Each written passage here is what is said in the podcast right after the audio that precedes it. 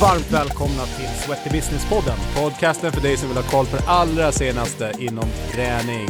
Med mig, Brian van den Brink. Med mig Jonas Tissionis. Häng med!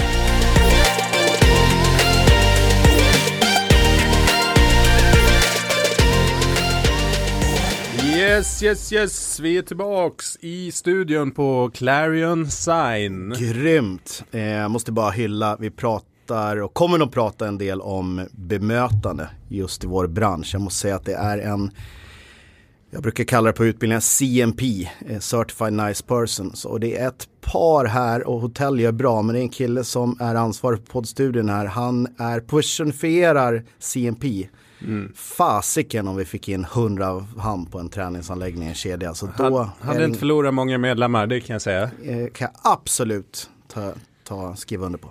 Färger hit och dit, hur ser loggan ut? Men varumärket är så, de mjuka delarna är så sjukt viktiga mm. att förstärka. Okej, det här pratar vi om rent i faktamässigt, så här ser vi ut, vi har den här profilen, men hur beter man sig i kunden? Det är ju varumärke om inte annat. Ja, verkligen. Men har man någonsin på ett hotell, när du gått in i receptionen, sett någon som står och pratar i telefon fem minuter, sitter på disken bakom, går runt eh, i strumplästen på hotellet. Det här är ju saker man ser var och varannan vecka i gymbranschen.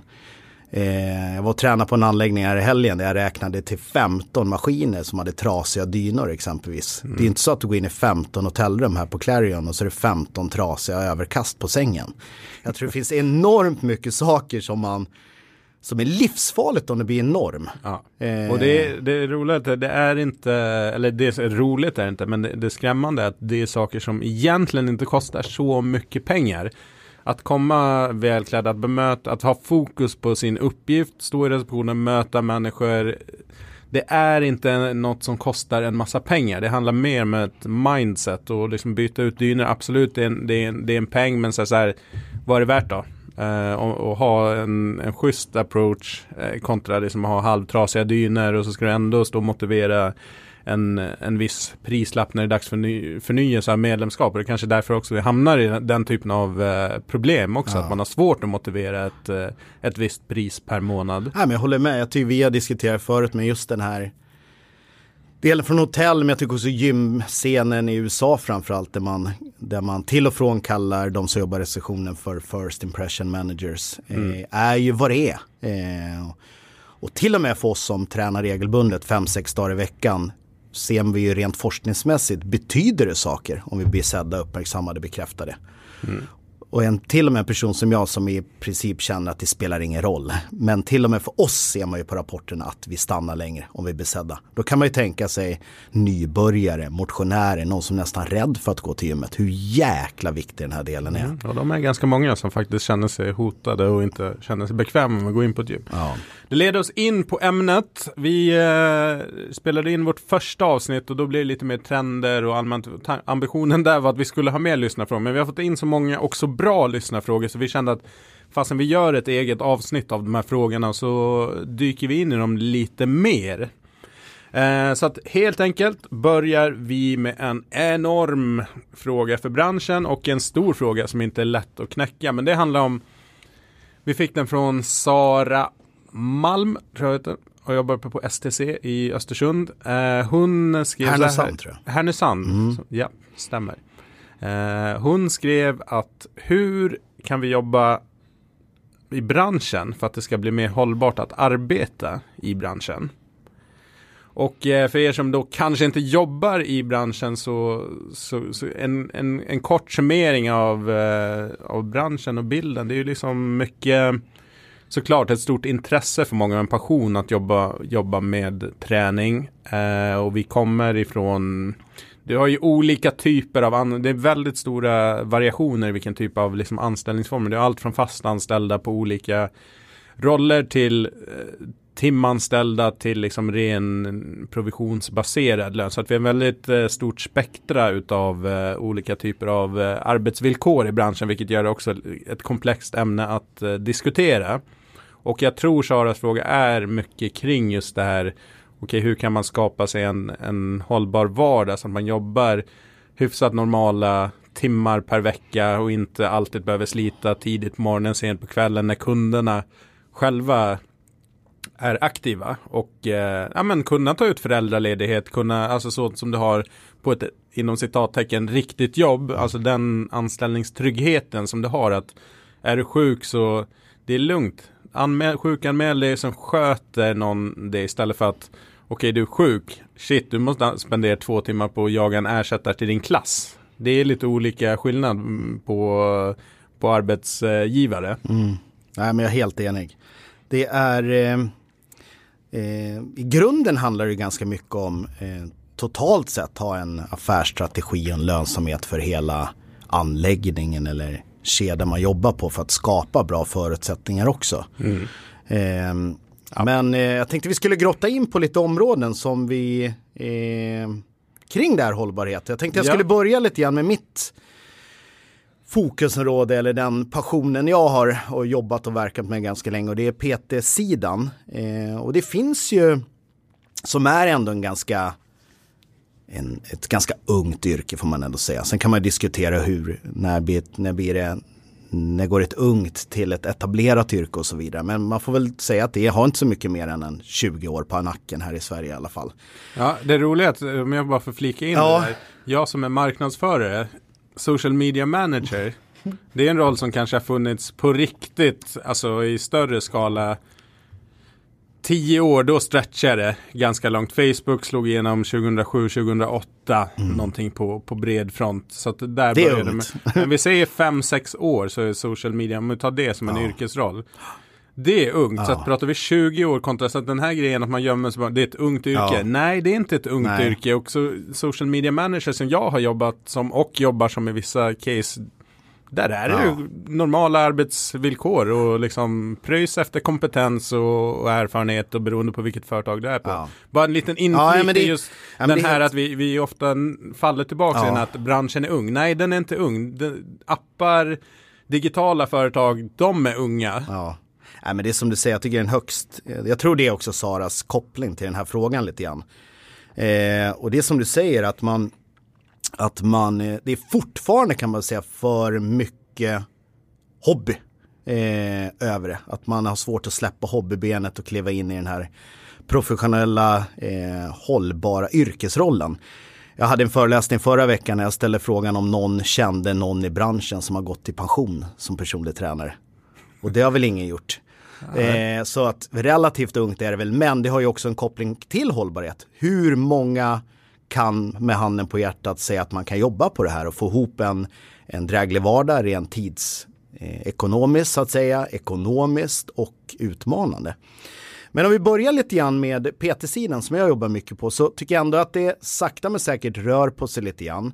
Och jag tror en, en spännande del eh, som jag vet att mina, vissa av mina kunder eh, vill eh, grotta in i i alla fall eh, är just den här trygghetsfaktorn eh, där man i PT-rollen börjar kika på eh, heltidstjänster eller kanske i större utsträckning skulle jag vilja säga någon form av grundlön. Egentligen tillbaks till den gamla strukturen som säljare hade, att man har en grundlön på säg 14, 16, 18 000 och sen har en kompletterande rörlig del till hur mycket du jobbar vilken är en struktur som jag gillar för att då skapar en viss trygghet men fortfarande ett driv att driva in att behålla de kunder man har. Så att den delen tycker jag är ganska spännande att man börjar kika på. Sen finns det olika sätt att jobba med det. Eh, vissa av mina kunder kikar exempelvis på att supportera under en provanställningsperiod. För man vet ju det beroende på vart man kommer in och vilken stad och eh, vilket land man jobbar i, hur kulturellt etablerat PT-yrket är. Eh, men det tar ju någonstans en till tre men upp till sex månader minst beroende mm. på att etablera sig för att kunna jobba per timme så att säga. Eh, oavsett om man är anställd eller hyr in sig. Så att man, man, ett intressant spännande sätt tycker jag, Sara, som ni kan kika in på, är ju eventuellt att sätta in en grundlön, en trygghetslön under provanställningsperioden som är kanske lite högre, månad 1 till 3 något lägre månad 4 till 6 men efter 6 månader rimligen eh, så ska man vara uppe och rulla med en dräglig inkomst beroende på.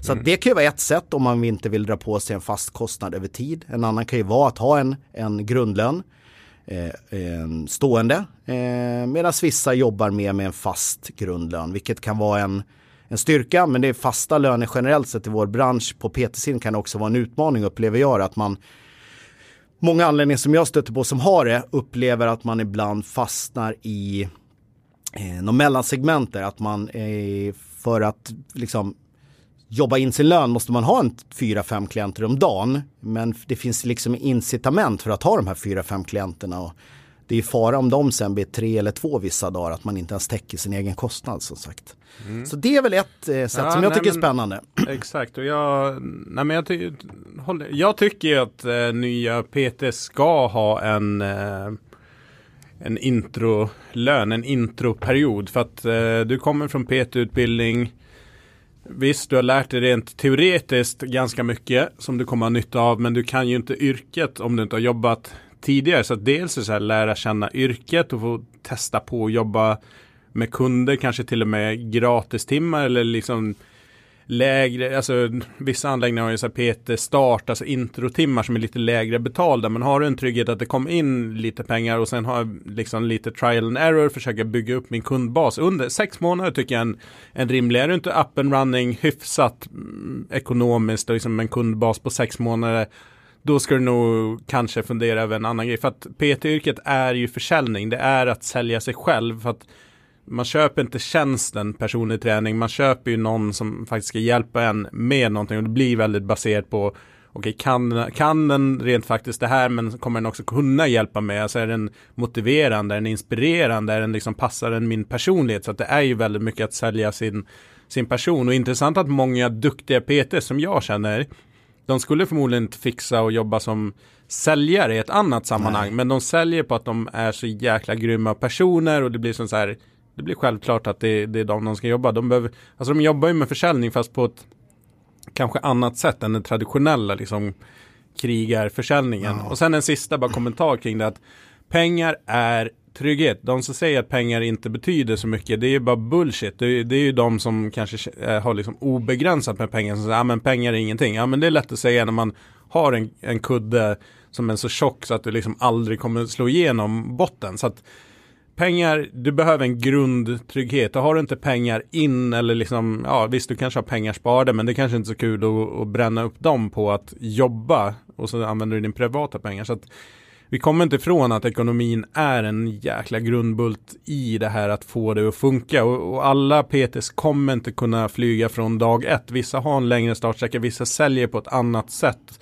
De behöver bli mer personliga, mer kända innan och vissa kommer sälja från en sekund och vara mm. fullbokade. Så att det är så olika. Sen tror jag man kan erbjuda olika anställningsformer. Jag vet många av de tränarna som, som vi känner med skulle ju aldrig vilja ha en fast Nej. lön eller en fast tid. För du, du du knyter ju upp det till ett annat sätt också. Då kan jag, om du är min anställd Brian, så kan jag styra upp och då ska du jobba var fjärde helg och vissa kvällar och det kanske är tak på lönen. Så att jag tror kanske man skulle kunna vara lite flexibel också, att man har en eller ett par fasta eller möjlighet till grund, grundlöner och så har man ett visst antal tränare med rörlig del också. Så det, det är så olika personligheter också. Mm.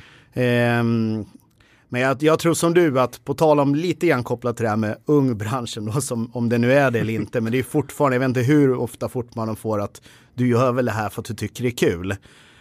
Och det gör man ju mm. såklart. Det hoppas jag de flesta gör i sina yrken, även om jag inte tror det. Men kul betalar ju sällan. Det betalar i alla fall inte min lägenhet.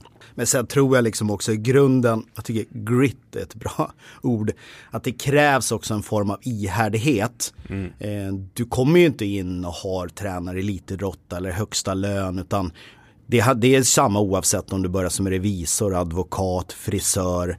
Du klipper liksom inte åtta kunder om dagen heller utan det gäller ju att lägga in ett, ett jättebra investering i sin tid också i början tillsammans mm. med stöd såklart över det man jobbar i början initialt eh, för att sen kunna trappa ner eh, liksom den investerade tiden i marknadsföring. För det upplever jag också ibland att man inte riktigt, man, man tror att det räcker med att vara på en handläggning och gå runt med en PT-tisha och så får blir man fullbokad. Nej. Det funkar ingenstans. Det, kan det, det är sällan i alla fall.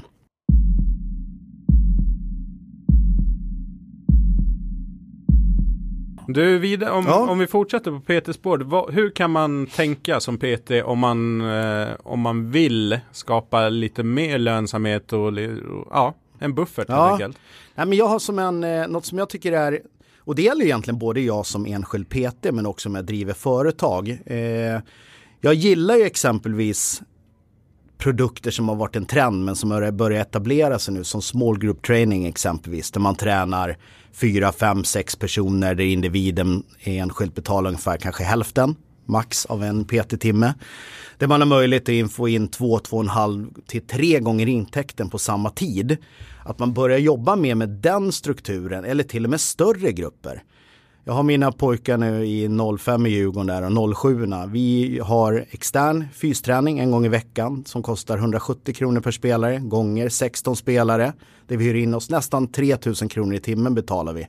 Låg tid, alltså tränar fyra innan ruschen kommer på gymmet. Jättebra möjlighet för de instruktörerna där eller anläggningar fått in intäkt. Tänk att köra två till tre sådana klasser fem dagar i veckan. Det är massa, massa pengar eh, kopplat till en målgrupp man inte ens tänker på idag. Men som skap, som hjälper med ett problem. Vi har ju jätteproblem att det inte finns någon anläggning exempelvis här i Stockholm. Och vi har inte heller den spetskompetensen bland föräldrarna. För det rivs så mycket ideellt. Så att jag tänker small group eller grupper med extra betalning tycker jag är en sån här briljant idé. Jag vet inte vad du Nej men jag, jag det. håller med. Alltså, hur, hur kan du, du har någonstans som, som personlig tränare, när du jobbar rent fysiskt med människor så har du, då, då är det din tid du säljer egentligen. Du har, säg att du har 40, möjlighet att ta eh, kunder 30 timmar i veckan och sen har du 10 timmar planering och, och lite annat. Så att 40, eh, för att få ihop en liksom 40 timmars arbetsvecka, ish. Eh, då har du 30 timmar. Så det är så här, okej, antingen kör du en kund one-to-one och, och drar in eh, 700-800 kronor och sen ska anläggningarna sitta och du får kanske, jag vet inte, 200, 250, 300 kronor per timma. Okej, om du kör small group då och helt plötsligt kan eh, dubbla eller trippla din lön per timma. Om du tar hälften av de här 30 timmarna så har du 15 small group eller liksom kurstimmar där du tjänar två eller tre gånger så mycket på samma tid som du har. Kanske du till och med kan gå ner i tid på one-to-one timmarna. Eh, så det är ju ett sätt att göra det. Sen jag har ju jobbat mycket med företag eh, i liksom privat, eller privat, men i, liksom i eget företag. Och det är samma där som du pratar om idrottsklubbar och liknande. Att, jag menar, då kanske du har 2-3 tusen spänn per timma istället. Och då är det inte så jäkla många timmar per vecka som du behöver få ihop eh, för, att, för att få ihop en bra vardag. Och då kör du ett par sådana klasser per vecka plus eh, PT-timmar plus någon smågrupp. Jag menar, då kan du tjäna ganska bra pengar utan att behöva jobba 60 timmar i veckan. För det där ser ju också att man faktiskt gymkedjorna ska ha skit för det. Att man lyfter fram de här Ja, den här gjorde 300 timmar i den här månaden och tjänade liksom 150 000. Ja, svinbra. Men hur många månader kommer du klara att jobba 300 timmar? Eh, nu drar jag bara till med 300 timmar. Men, men det blir så idiotiskt att lyfta fram de här för att På tal om håll, hållbarhet. Men. Ja, exakt. Att göra en, en enskild jätteinsats för att tjäna pengar inför en sommarsemester som jag vet att vissa tränare har gjort eller att de ska iväg längre och man bunk, kör liksom två, tre månader in i kaklet och sen för att kunna vara ledig en vecka eller en månad och sticka iväg till Los Angeles och ha det gött. Det är fine, men det är inte hållbart apropå Saras fråga. Så att så här, tänk lite smartare med din tid. Hur kan du, hur kan du liksom skapa en, en hållbarhet? Och lägg det inte helt i händerna på arbetsgivaren. Du behöver ju också vara lite entreprenörstänk själv. Absolut. Tänk, okej, hur kan jag liksom effektivisera min bus- business, tjäna mer pengar per timme och kanske gå ner i tid och få ännu mer kvalitet i leveransen när jag väl kör med kund. Kan jag gå ner till 20 timmar leverans per vecka? Hur fräsch kan du vara mentalt och fysiskt när du väl träffar kunderna och dessutom ha tid själv till att sköta om det. För det är också en baksida av det att många PTs mår inte svinbra. Eh, helt plötsligt har, orkar man själv inte träna och är fysiskt dåligt tränad och psykiskt nedtryckt i skorna. Och antingen adderar en massa egen träning som inte är hållbart eller hälsosamt eller inte tränar alls själv och liksom inte blir en jättebra förebild. Så det är ju också en baksida av att jobba för mycket och osmart arbete. Ja, men man ser ju när man är, när man har gjort eh, exit-samtal ibland när man kollar varför slutar folk eh, i vår bransch. Eh, det är ganska rörlig, rörlig, rörlig, rörligt personalantal så att säga så är det ju ofta att man inte får upp sin ekonomi eller sin agenda för man kanske får in tillräckligt ekonomiskt men får jobba 07-22. Eh, och det är inte hållbart som du säger över tid och därför tycker jag det är så intressant att ha den entreprenöriella tanken kring eh, ha ett smartare tänk. Eh, fan, jag har ju liksom fyra barn själv, jag skulle inte kunna jobba 07-24. Nej hur länge som helst eller varje dag i veckan. Och då handlar just den här delen och då tycker jag exempelvis den här small group-delen kan vara eller team training-delen ett system av många andra som man mm. kan ha med sig själv eller som gymägare supportera och driva fram och marknadsföra. Men det är återigen också, tänker jag, i och med att det är en, en, en, springande del i det här att det är så jäkla svårt. Jag får ju alltid höra det är så svårt att hitta fler tränare. Mm. Och vassa tränare kommunikativt framförallt. Och det är det, håller jag med på. Men vi kan ju inte be de tränare vi har idag, de bästa på en anläggning, jobba mer. Nej. Men kan vi få dem att träffa fler medlemmar? Och då är den här typen av strukturer, produkter jätteintressanta ju. Mm. Så att det... Ja, men eh, svin, svinbra grej där och sen eh, jag tror också så här hållbarhet. Jag tror också man måste vara ärlig från utbildningssidan. Jag upplever inte som att att man all, har varit så duktig tidigare i alla fall på att eh, liksom faktiskt ge inblick i hur, hur det faktiska, alltså få folk att förstå hur tufft eh, Eh, det är där ute eh, och att man behöver, just de här grejerna vi pratar om, att man behöver liksom grit, man behöver tänka smart, man behöver fundera, liksom, göra en, en, strategi och det kan ju vara svårt när man inte har en aning om yrket. Men jag tror också att eh, från utbildningssidan och arbetsgivarsidan att man är jäkligt tydlig med liksom vi säger att det, det, här kommer förmodligen, det finns ju några grejer som många nya exade PTs eller grupptränare hamnar i så att man är väldigt tydlig, ja men det här kommer säkert vara en utmaning, du kommer få lång, du kanske får extremt långa dagar till att börja med försök att liksom planera och försök minimera så att du faktiskt får en återhämtning så att du inte går in i väggen här om två månader och liksom inte kommer orka leverera. Så att den är också superviktig. Men det är det. Jag har intervjuat många som driver företag eller gymägare och det de önskar, eller när man frågar dem och det är unisont 10 av 10 när man frågar vad, jag har ändå jobbat mycket med utbildningar, vad önskar ni att vi ska addera mer på kurserna? Och det är eh, liksom affärsdelen av det, marknadsföring, försäljning, strategier, processer. Sen är ju de också viktiga och måste ta sitt ansvar. Men jag tycker ändå att det har blivit bättre och bättre de senaste åren på skolorna. Mm. Eh, där man har lagt mer och mer tid också på eh, inte bara lära om fler knäböjsvarianter utan också hur får jag förutsättning att leverera det här till kunderna generellt. Mm. Men det finns ju jättemycket att göra såklart. Både på utbildningsscenen och när de väl kommer ut till sin arbetsgivare. Så. Support. Ja. Eh, jag, jag skulle också bara lyfta en sak. Jag gillar ju ändå att jag, jag tycker ändå vår bransch ibland är jag upplever lite grann att man gör samma sak hela tiden och man öppnar upp en ny anläggning så gör man exakt som det ser ut på andra sidan gatan. Och jag vet som du ibland Brian när du har föreläsningar som jag för övrigt skulle vilja rekommendera andra att boka. Du är ute och föreläser ganska mycket nu. Men, eh, det är dyrt. Ja, det är dyrt. Få ta. Och vara hållbar. Hör det Sara? Ja, ja. Nej men just när man kikar på det här med varumärke ibland man tar kort på tio stycken olika anläggningar, tar bort loggan så ser det likadant ut. På det temat och spåret hållbarhet så tror jag handlar mycket om att vara nytänkande också. För annars PTn idag ser ju nästan likadan ut överallt. Det kostar 5-900 kronor ish. Man har small group ibland och så vidare. Men jag tänker också att man ska försöka vara lite nytänkande. Eh, och jag skulle vilja lyfta två, två tips som jag nästan inte vet någon som gör, men eh, inte i Sverige i alla fall, som man skulle kunna kika in på. Och det är bland annat, vi har ju en jätteproblematik, eh, ska jag säga, i Norden, mig veterligen vad det gäller no-shows, sena avbokningar. Mm. I tid och otid. Och ofta har man en avbokningsstruktur på exempelvis ett dygn. Många bokar ju av senare, alltså 10-12 timmar innan. Skulle man exempelvis kunna ha någon form av sista minuten-tänk med en digital koppling. Till och med Folktandvården är nu, jag var inne och skulle kolla tandläkartid till, min, till mina ungar och då till och med nu, eh, till och med Folktandvården måste man säga, som kan upplevas lite mossig ibland, möjligen, mm. har sista minuten tider på tandläkarbesök på olika sätt. Vad skulle vi, skulle vi i vår bransch exempelvis, i och med att det är en utmaning, skulle vi kunna jobba med det istället då? Skulle man kunna i sin kundstock om exempelvis 30-40 PT-klienter kolla på vilka skulle vilja sluta ut till sista minuten-grupp, ha någon digital koppling. Eh, där man kanske exempelvis har en prisrabattering på en 20, 25, 30 procent eh, på kort varsel för de som har signat upp. Mm. Och istället för att ha en intäkt men en håltimme så kanske man har 1,6, 1,7, 1,8 gånger timlönen. Det kan vara ett sätt.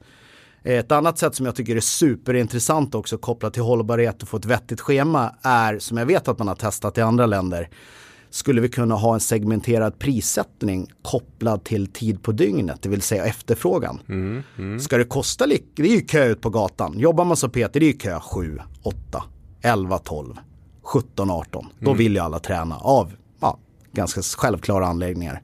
Ska det kosta lika mycket klockan 07, där man har 10 stycken på väntelista, som 10.00? Eller kan man börja labba med olika prisstrukturer till efterfrågan?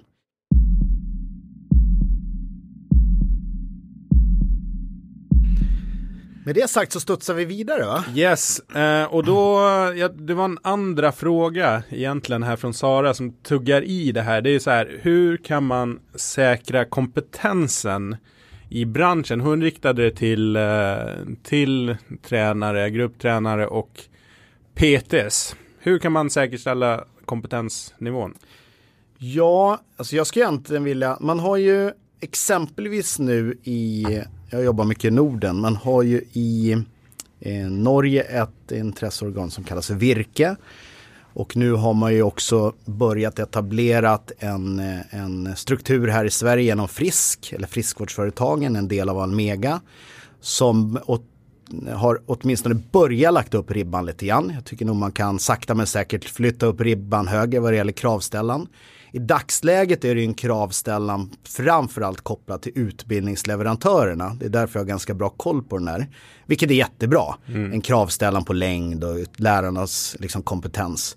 Men det som vore också väldigt spännande kan man ta och lyfta det till nästa nivå och också börja ställa högre krav på arbetsgivarna.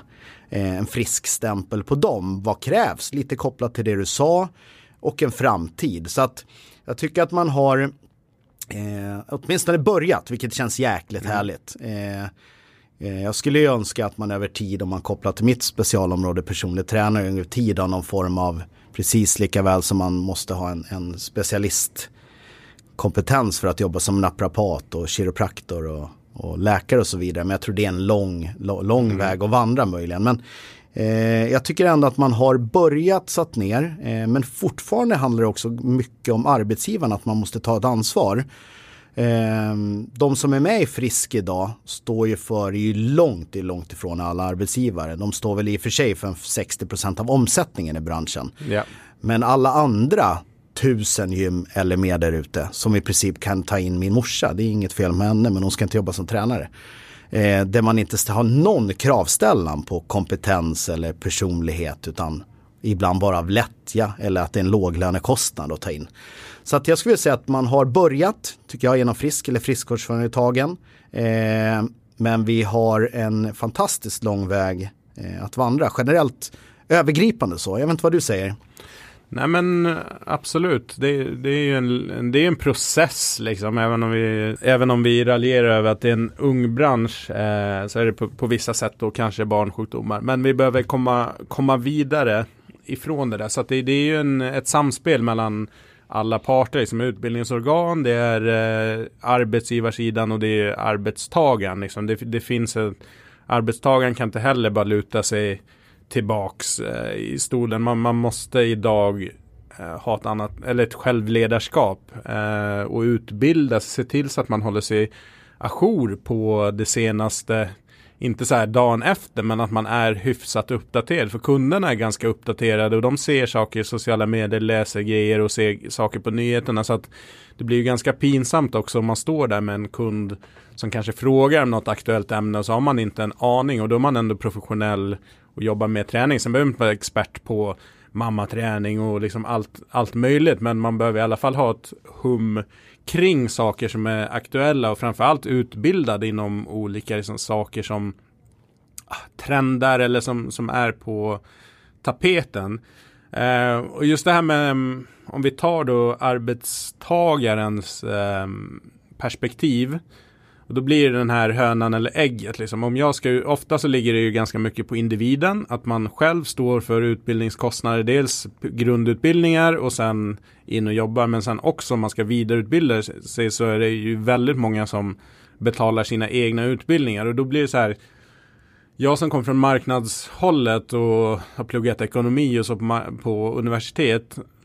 Alltså man gör ju det dels såklart för att man vill ha kompetensen men också för att jag vet att om jag kommer ut, då har jag ju ett försprång och definitivt ett större försprång över tid, liksom en, en högt utbildad kontra en, en som är lägre utbildad. Den löneutvecklingen, det kan man googla på. Eh, det, blir ju, det blir ju ett enormt eh, enorm hävstång över tid. Eh, vilket gör att omsatt i träningsbranschen så, så ser jag inte riktigt den här hävstången. Att okej, okay, går jag de här specialutbildningarna, går jag vidare så, så här, det händer ju inte speciellt mycket med min lön. Och då blir det så här, men är det då värt att hålla sig uppdaterad och ajour och lägg, investera pengar, men det ger liksom ingen, alltså en investering är ju just en investering, att det ska ge någon avkastning till slut. Det är ju inte en investering om det är liksom, okej, okay, investera bara för att ens kunna hålla mig kvar i, i branschen. Det tycker jag är så här en, en halvdassig investering. Så att hur kan vi komma till, eh, till det här att om jag satsar på en utbildning eller arbetsgivaren satsar på att betala en utbildning för mig. Hur kan vi faktiskt tjäna pengar på den? Hur kan båda få en, ett uppsving utav den? Har du några tankar kring ja, det? Men jag, jag, tycker att du slår huvudet på spiken. Vi har ju diskuterat i och med att jag varit involverad i utbildningssektorn så länge. Så eh, jag, jag tycker du har liksom så spännande när man jämför med andra branscher lite grann. Att försöka hitta när vi ur utbildningssidan, oavsett om man är en utbildningsleverantör eller om man är en arbetsgivare och eh, tar fram en utbildning, köper in en utbildning till sin personal. Att vi borde vara, jag, jag tycker det är för ofta nu vi enbart tänker inspiration. Och det behöver inte vara någon inspiration, men inspiration kan ju ibland vara behövligt, men det är också lite konstgjord andning. Mm. Eh, man kanske ska bli duktigare på att liksom blanda upp inspiration med eh, utbildning som leder till produktutveckling. I så fall, och det kan vara att man har en en, eh, en lönestruktur eh, som driver upp sin lön och priset på PT-timmen exempelvis kopplat till kompetens. Men det kan ju också vara att en utbildning som leder till att vi tar fram en ny produkt. Jag hjälpte en träningskedja uppe i Dalarna förut som hette Må Bättre och vi hade alltid som ambition egentligen att när vi tog in en ny vidareutbildning för personalen, exempelvis träning under och efter graviditet, så hade vi alltid ett nytt produkttänk. Att I samband med utbildning eller inför så skulle vi alltid då lansera en ny produkt. Och i det där fallet exempelvis en ny produkt kopplat mot den målgruppen mm. eller mot senior. Så att det inte bara var kul, det är ju kul att utbilda sig, men kul ska också kunna leda till mer i plånboken och mer en bättre lönsamhet för företaget. Så jag, jag tycker du är inne på ett spännande spår. Mm. Eh, lite mer genomtänkt kan man ja. säga. Och det är exakt genomtänkt tänkte jag komma till just ur arbetsgivarperspektivet. Att fasen eh, väldigt många företag har ju en people plan. Pratar man om. Okej, okay, du blir anställd här, du har gått en utbildning. Men du kan ju inte sitta och luta dig tillbaks på en utbildning i 15 år. Du behöver vidareutbildningar. Det, det är dels internt. Vad finns det för internt utbildningsprogram? Finns det kompetens internt på bolagen? Okej, okay, finns det någon mm. senior PT som kan? Finns det någon mamma PT? Finns det någon ditten och datten? Finns det någon som är duktig på kommunikation? Finns det någon som är bra på jag vet inte, Ni, det finns massor. Okej, vilka interna steg kan man ha? Kan man ha en utbildningsplan internt för att liksom öka, successivt öka kompetensen? Men också en plan per person att okej, okay, om inom två år så ska det gått den här vidareutbildningen för att vi ska kunna göra det här och att man, man investerar pengar i sina anställda för att det ska bli en win-win till slut. Och det mm. behöver inte vara så jäkla avancerat men ändå att man har ett tänk. Jag tror att ganska många blir anställda och så finns det inte en jäkla idé om, om vad det ska bli utan den ska in och jobba och sen punkt slut. Men jaha, jag måste ju inspireras, jag måste utbildas, jag måste ta nya kliv, jag måste ju växa. Mm herregud, det, är ju bara alla ni som har barn, liksom att de bara suger åt sig, de gör nya saker, nya, de ser nya saker.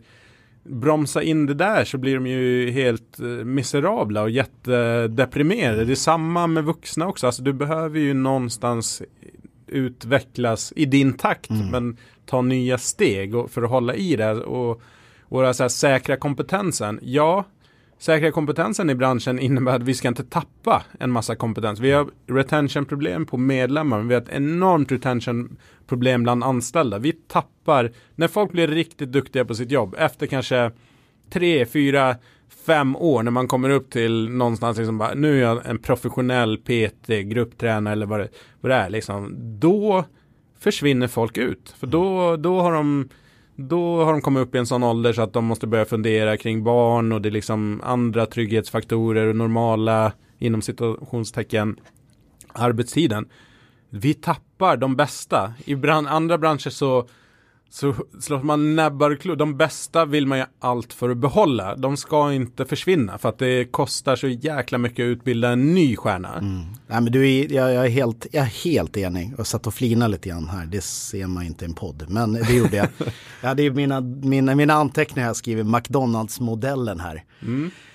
Och med det, för mig handlar det här mycket om att ha en, det låter tråkigt, men någon form av strategisk process eh, som är en långsiktig plan som man ofta har för bolaget men också såklart för medarbetarna som en del av det. Eh, ja, precis. Och, eh, och eh, bygga en kultur, eh, vilket man inte gör. Det räcker inte att ha något snyggt skrivet på papper utan, och då handlar det om att ha, det finns en anledning varför man har eh, i framgångsrika idrottslag, de som är framgångsrika över tid, en stomme i ledarstaben eller på plan på utvalda positioner eh, där folk är kvar länge. Det är att handla om att bygga en kultur. Niklas Lidström var väl briljant på det i Detroit exempelvis. Han la upp mm. ribban för de här unga 18-åringarna. Stannade kvar längst, tränade hårdast, åkte billigast bil, levererade mest. Mm. Och slutligen på det här ämnet, och det tangerar det vi pratade om innan också. Du var touchade på det just att Alltså i grund och botten handlar det här om ekonomi tjänar arbetsgivaren pengar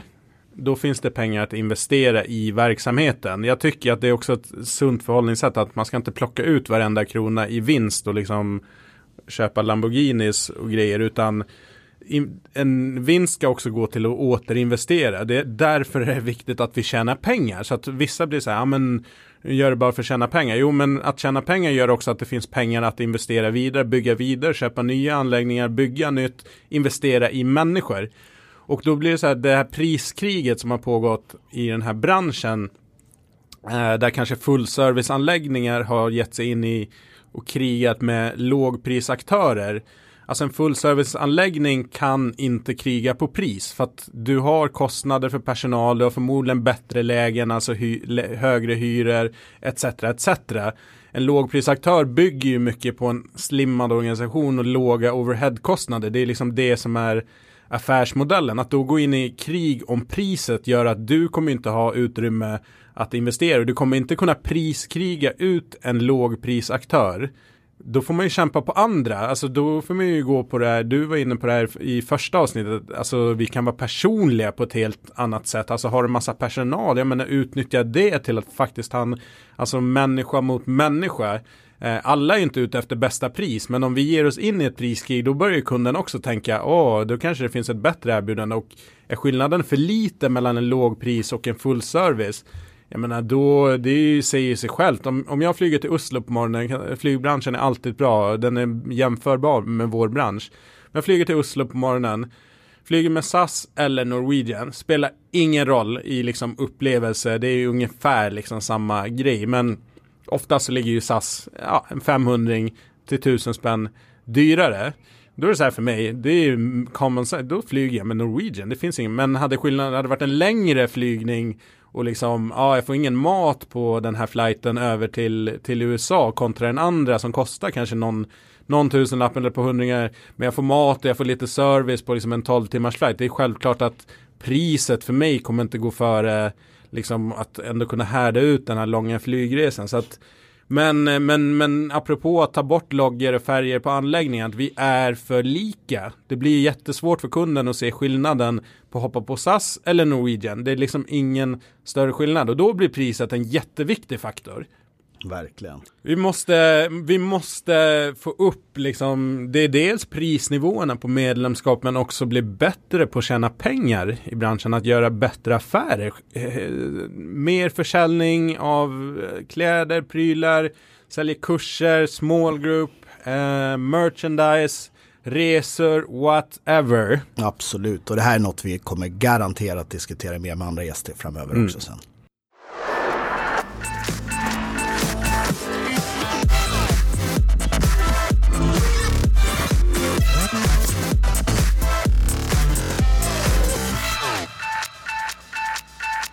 Casal Business Hacks, vi är tillbaks. Eh, för dig som vill göra lite smartare affärer, bra tips och råd från vår partner Casal Professional. Vi har med oss Stuart Lassells från eh, Casal Matrix. Välkommen tillbaka.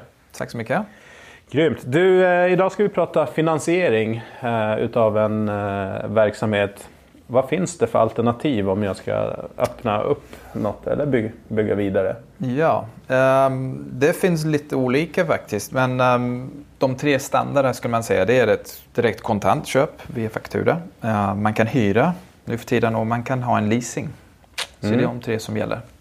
Så kontant, då, då har du skaffat dig pengar sedan tidigare. Antingen har du egna pengar eller lånat eller liksom finansierat på något, sätt så att du har råd att betala av eh, utrustning och liknande kontant. Vad eh, de här leasing kontra hyra.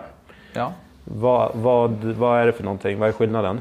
Ja, um, leasing är egentligen om du tänker att du kommer i slutändan äga utrustningen det är kortfattat egentligen svaret. Att man, man leasar eh, förlåt, och betalar månadsvis och sen i slutet så har man en restvärde att betala. Eh, jag kan alltid ligga mellan 10 kanske 20 procent i restvärde um, och um, då äger man utrustningen till slutändan. Med hyra uh, så äger man inte utrustningen. Då hyr man istället för en månadskostnad. Um, och där Eh, efter eh, en viss bestämd tid så byter man det mot ny utrustning. Mm. Ehm, så att det är ingen konstighet egentligen. Man tar ut den gamla och in med den nya. Eh, och har man en fast månadskostnad. Och i den hyresavtal så brukar man in, inkludera till exempel thing, saker som typ service, reparationer. Så det blir allting inbakat. Du har inga risker utanför avtalet. Leverantören ska sköta allt där. Mm. Så leasing, då kommer du äga, sikta på att äga utrustningen i slutändan. Hyra, så byter du egentligen ut det till, till vad du nu vill ha när hyresperioden är slut. Eh, fördel, nackdel på respektive? Ja, um, leasing är alltid skönt för då, det är ett sätt att köpa utrustning utan att behöva ta alla likviditeten ut från företaget såklart och betala av den direkt. Då är det som en banklån egentligen, man lånar pengar för att kunna sen äga den i slutändan.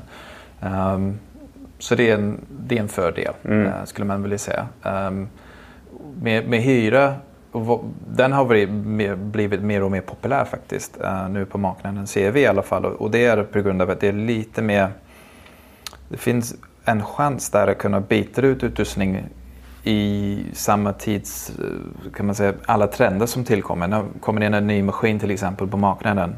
Kanske man, bit, man får in den på anläggningen så kanske man tar ut en, en maskin och sätter in en ny. Så att det uh, finns lite mer flexibilitet i en, en hyresavtal. Men mm. det, det, äger man inte utrustningen till slut. Nej. Om man pratar tidsspann då, vad, hur, hur långa avtal är liksom vanligt att vi, att vi pratar om? Ja, men leasing ligger på i vanliga fall en femårstid. Uh, hyra skulle vi säga tre år. Um, skulle vara en vanlig, men man kan också göra längre avtal. Det kan man göra. Så att, um, um, hyra är lite mer upp till diskussion. Um, men leasing brukar vi alltid prata fem år i alla fall. Um, så det är mer som en standard. Yes. Du, finns det någonting som, man, som du kan tipsa om att verkligen eh, hålla utkik över när man, man håller på med sin finansieringskalkyl så att eh, det inte blir några otäcka överraskningar? Exakt. Nej, men det är en bra fråga. Där tycker jag det är väldigt, väldigt viktigt att verkligen ta en genomgång med sin partner, leverantör om just finansieringen. Vad är det som tillkommer utöver den här kostnaden? Um, kontra allt annat som tillkommer till exempel med service, installationskostnad, reproduktioner, om det händer någonting med maskinerna och så vidare. Ehm, jag tror det är väldigt viktigt att ni verkligen går igenom de här frågorna och får in så mycket som möjligt i avtalet, i kontraktet när ni väl finansierar er utrustning. Om man kollar liksom över den totala utrustningen som du har på anläggningen, kan det finnas en skillnad i liksom olika typer av utrustning så, man, man kan också, så att man inte drar allting över en, en och samma kam? Absolut, det, är precis en jättebra fråga. Där, där kan man faktiskt göra så att man hyra eh, en viss del av utrustningen, till exempel konditionsparken. Eftersom det händer väldigt mycket där och det är nya maskiner som kommer in. Uh, delvis och sen kanske leasa, uh, göra en leasingavtal på styrkemaskinerna.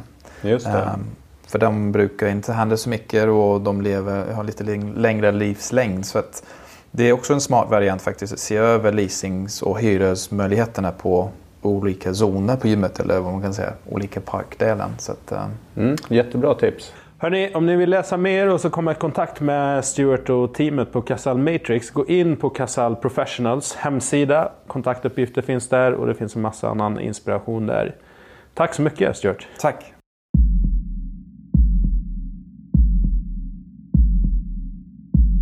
Vi glider vidare till, eh, till dagens sista fråga och den blir lite mer eh, konkret och kanske inte där jag och Jonas älskar att vara, men det handlar om KPI, alltså Key Performance Indicators, som är nyckeltal för verksamheter i branschen. Och det här eh, skulle jag säga, de är, de är ganska generella nyckeltal, de, de viktigaste övergripande som vi kommer gå igenom här.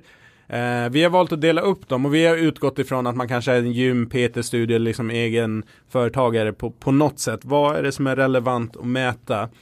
Och eh, om vi tar på ett övergripande plan så tänker jag att det första är ju såklart det är resultatet. Hur mycket pengar kommer du tjäna när du har betalt dina kostnader, när eh, skatter och liknande är betalt. För att det är ju de rena pengarna som du antingen kan använda till att fylla ditt kassa eller bankkonto med eller återinvestera, dela ut till aktieägare man nu är det liksom. Så att vad kommer du att tjäna för pengar? Den är liksom, den kommer vi inte ifrån. Du kan ha en omsättning och det är många som kanske snackar omsättning. Så här mycket säljer vi? Vi, vi omsätter 77 miljoner. Ja, men det är 70 000 kvar när allt är betalat och klart. Är det då en bra business? Så att eh, marginalen, eh, hur mycket pengar kommer du tjäna på varje, hur många procent av varje intjänad krona kommer faktiskt vara pengar som du kommer kunna ta ut eller återinvestera. Den kommer vi inte ifrån. Om jag får bryta in lite grann, vi kan väl backa bandet också lite grann så med, med liksom varför jobba med nyckeltal mm. överhuvudtaget. Så handlar det ju egentligen ganska mycket om att jag tycker man kan jämföra med, vår, med, med, med gymmet när man jobbar som tränare eller fystränare. Eh, vi brukar säga att en, en usel tränare använder sig av, det har jag sagt innan också, någonting som vi brukar kalla för handgranatsmetoden. Man tar fram massa övningar, kastar ut dem till kunden, hoppas att någon funkar. Mm. Det är uselt. Det är uselt. Eh, vi vill mer vara lite sniper, vi vill ta reda mer på vad kunden är, vad de ska, vilka förutsättningar de har och så vidare och baserat på det vara lite mer pricksäker. Sen prickar man inte alltid rätt ändå. Och det är precis samma sak egentligen man vill jobba med de här nyckeltalen kopplat till våra träningsanläggningar. Vi vill ta reda på vad vi är eh, någonstans idag. Eh, vi måste veta också vad vi ska. Eh, kopplat till det måste man veta också vilka förutsättningar men också vilken kravbild vi har. Allt ifrån bolag som finns på börsen idag eller kommer finnas, då är kravställan eh, aktieägarna via styrelsen. Alla de här parametrarna ihop skapar ju sen en, en, en strategi egentligen eh, att jobba framåt. Så att det, det är väl egentligen så här grundläggande. Mm, ja, var, eh, exakt. Mål, eh, vad är målen? Ja. Det är ju som i allt. Vad är målet? Ja. Det, är, det börjar där. Spring på rätt saker. Eh, en annan eh, nyckeltal som jag tycker är nyckeltal slash liksom styrmedel det är likviditet. Att ha koll på det. Det är många som kanske inte är superutbildade inom ekonomi och man tänker vad är liksom kostnadsbudget, vad är resultatbudget, vad är likviditet. Men likviditet är alltså vilka, vilken kassa har du? Alltså pengar att betala dina kortfristiga skulder med. Alltså leverantörsfakturer, löner, det ena med det andra. Eh, vi är ju i en bransch som generellt sett har mycket prenumerationsupplägg så att man kan, man kan beräkna kassaflödet ganska bra, vilket är en fördel med medlemskap för att man, man vet ungefär vad som tickar in och kan, kan beräkna. Därför är det också en ganska, apropå börsen, och så en ganska alltså investeringsvänlig business för att den är, den är rätt förutsägbar i, med tanke på att det är medlemmar man har och det fluktuerar inte så mycket över tid om ingenting dramatiskt händer åt det ena eller andra hållet.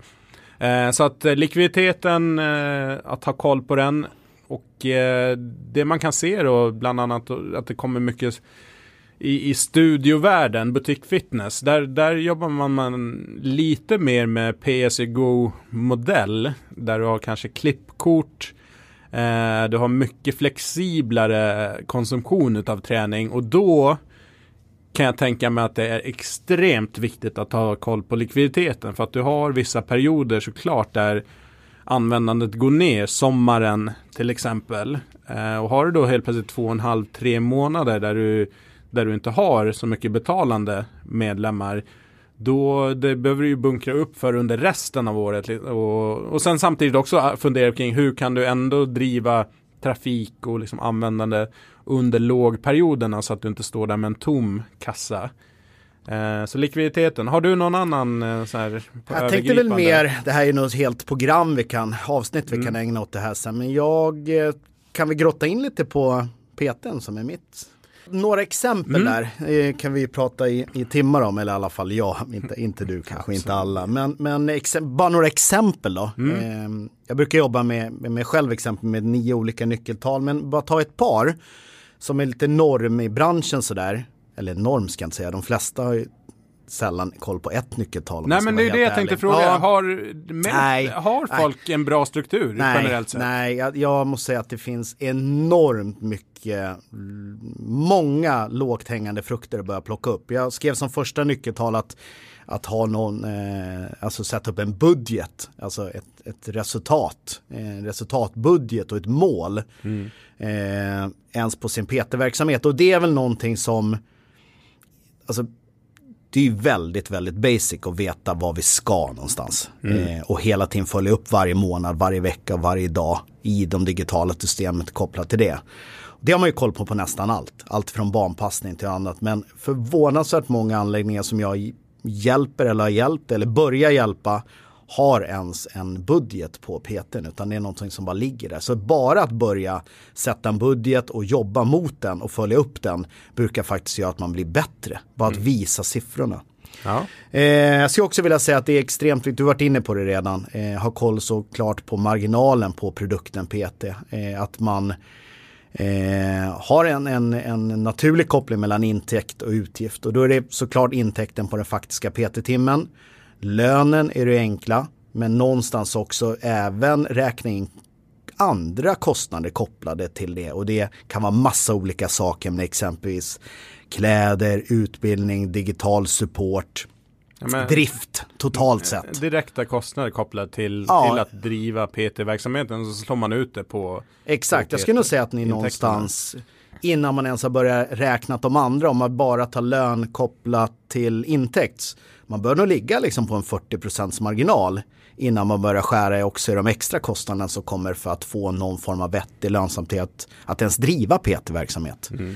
Den tror jag också faktiskt, eh, många har faktiskt inte koll på vad tjänar de på PT. Och som du säger på kostnadssidan så kan man ju baka in man kan välja separera, liksom man kan ta, räkna bara på, på lönekostnaden som är väldigt direkt kostnad och sen kan man ju välja om man ska liksom ta andel av utav hyra och utrustning och, och liknande. Så det, det, gör man hur lätt eller svårt som, men bara att göra den, den läxan, att vad tjänar jag på PT-timmar. Vad händer om jag rabatterar med 30% på PT-timmarna? Exakt. Tjänar jag en, går jag back kanske till och med på en kampanj? Mm.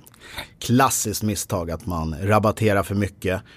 Jag kan köpa att man har en stark rabattering. Mm. Jag pratade om det i podden förut när jag varit gäst här också. Men att då ska det vara, i min värld då, då ska det ha en koppling till marknadsbudgeten. Ja. Att man gör en drive av någon anledning.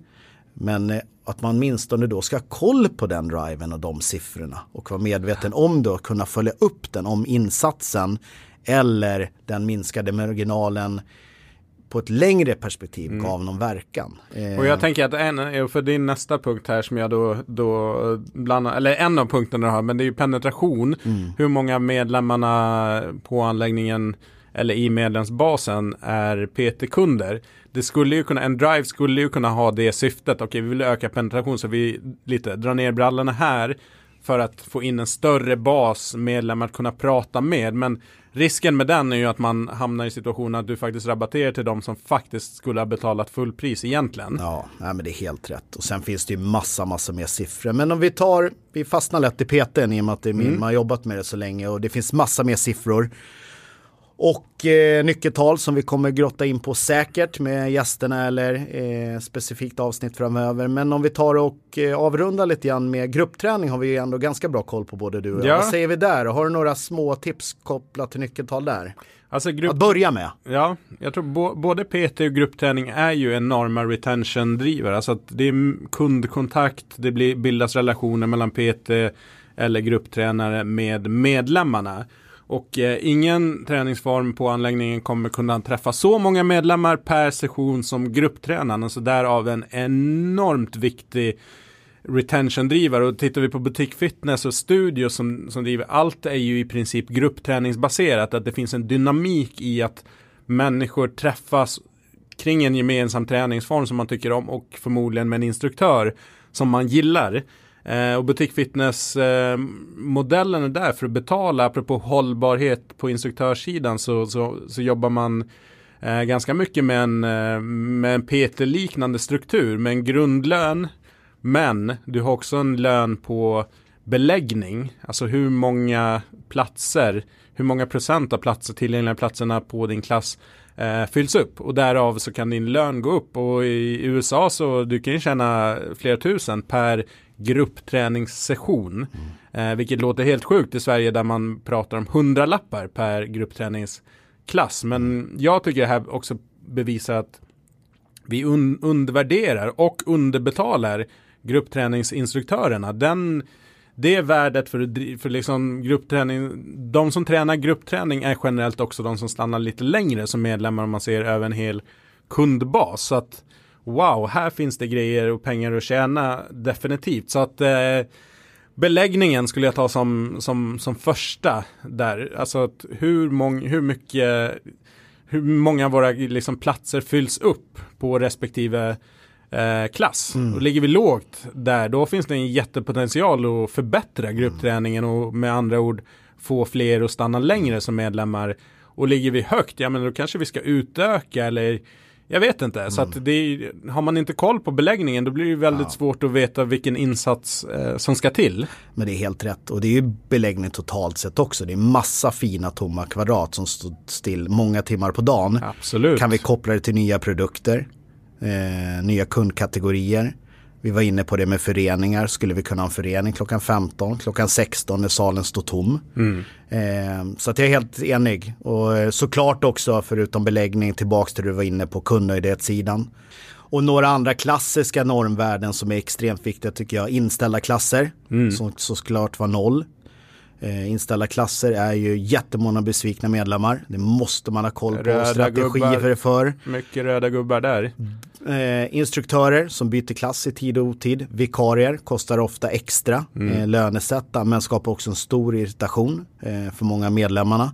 Så det är också hygien-KPI tycker jag eh, för att kunna leverera en stark produkt. Verkligen och sen en grej som då kommer tangera allt som vi egentligen har pratat i det här avsnittet kring hållbarhet och liksom kunna, kunna göra det bästa för alla parter. Det är ju också det här i och med att gruppträningsyrket är i mångt och mycket ett extra jobb så betyder det att folk sitter på kontor och liknande och sen har de tid på helg och kväll, lunch, tidig morgon. Eh, det är där man har tid eventuellt att köra klasser. Eh, så att scheman byggs ofta utifrån hur instruktören är tillgänglig. Eh, tänk om man kunde vända på det. Att eh, kunderna fick komma med inspel när klasserna skulle ligga och att, att, det blev att det kom från det hållet. Att du kanske får ännu fler som har möjlighet att gå på just den klassen. Eller att ditt schema är utbyggt efter hur ni själva tänker internt att det bör ligga. Medan kanske medlemmarna har en helt annan tänk på vissa delar. Eller så stämmer det överens, men då vet ni det. Och med Hör... det tror jag vi, ja, men vi rundar, rundar av. av idag va? Hörni, eh, jäkla stort tack för att ni lyssnar. Mm. Eh, kom jättegärna med inspel. Vi finns ju på podden at sweaterbusiness.se eller dra ett eh, inboxmeddelande på valfri social medieplattform och håll dialogen igång. Vi har också ambition här under hösten att eh, dra igång ett nätverk som kommer ses en gång i kvartalet. Eh, där det kanske är ett givet tema som man eh, samlas upp kring. Eh, frukost, eh, event, lättsamt men mycket nätverkande men också bolla olika. Det skulle kunna vara till exempel ämnen som vi har tagit upp här. Så häng med i kommunikationen här så får ni information kring allt som händer. Mm. Härligt. Stort tack för idag gänget. Tack, tack, tack. Tja, tja.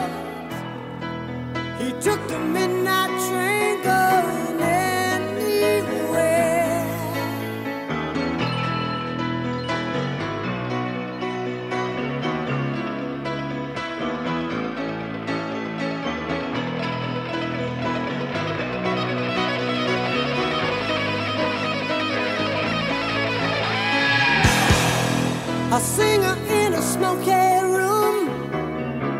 A smell of wine and cheap perfume. For a smile they can share the night. It goes on.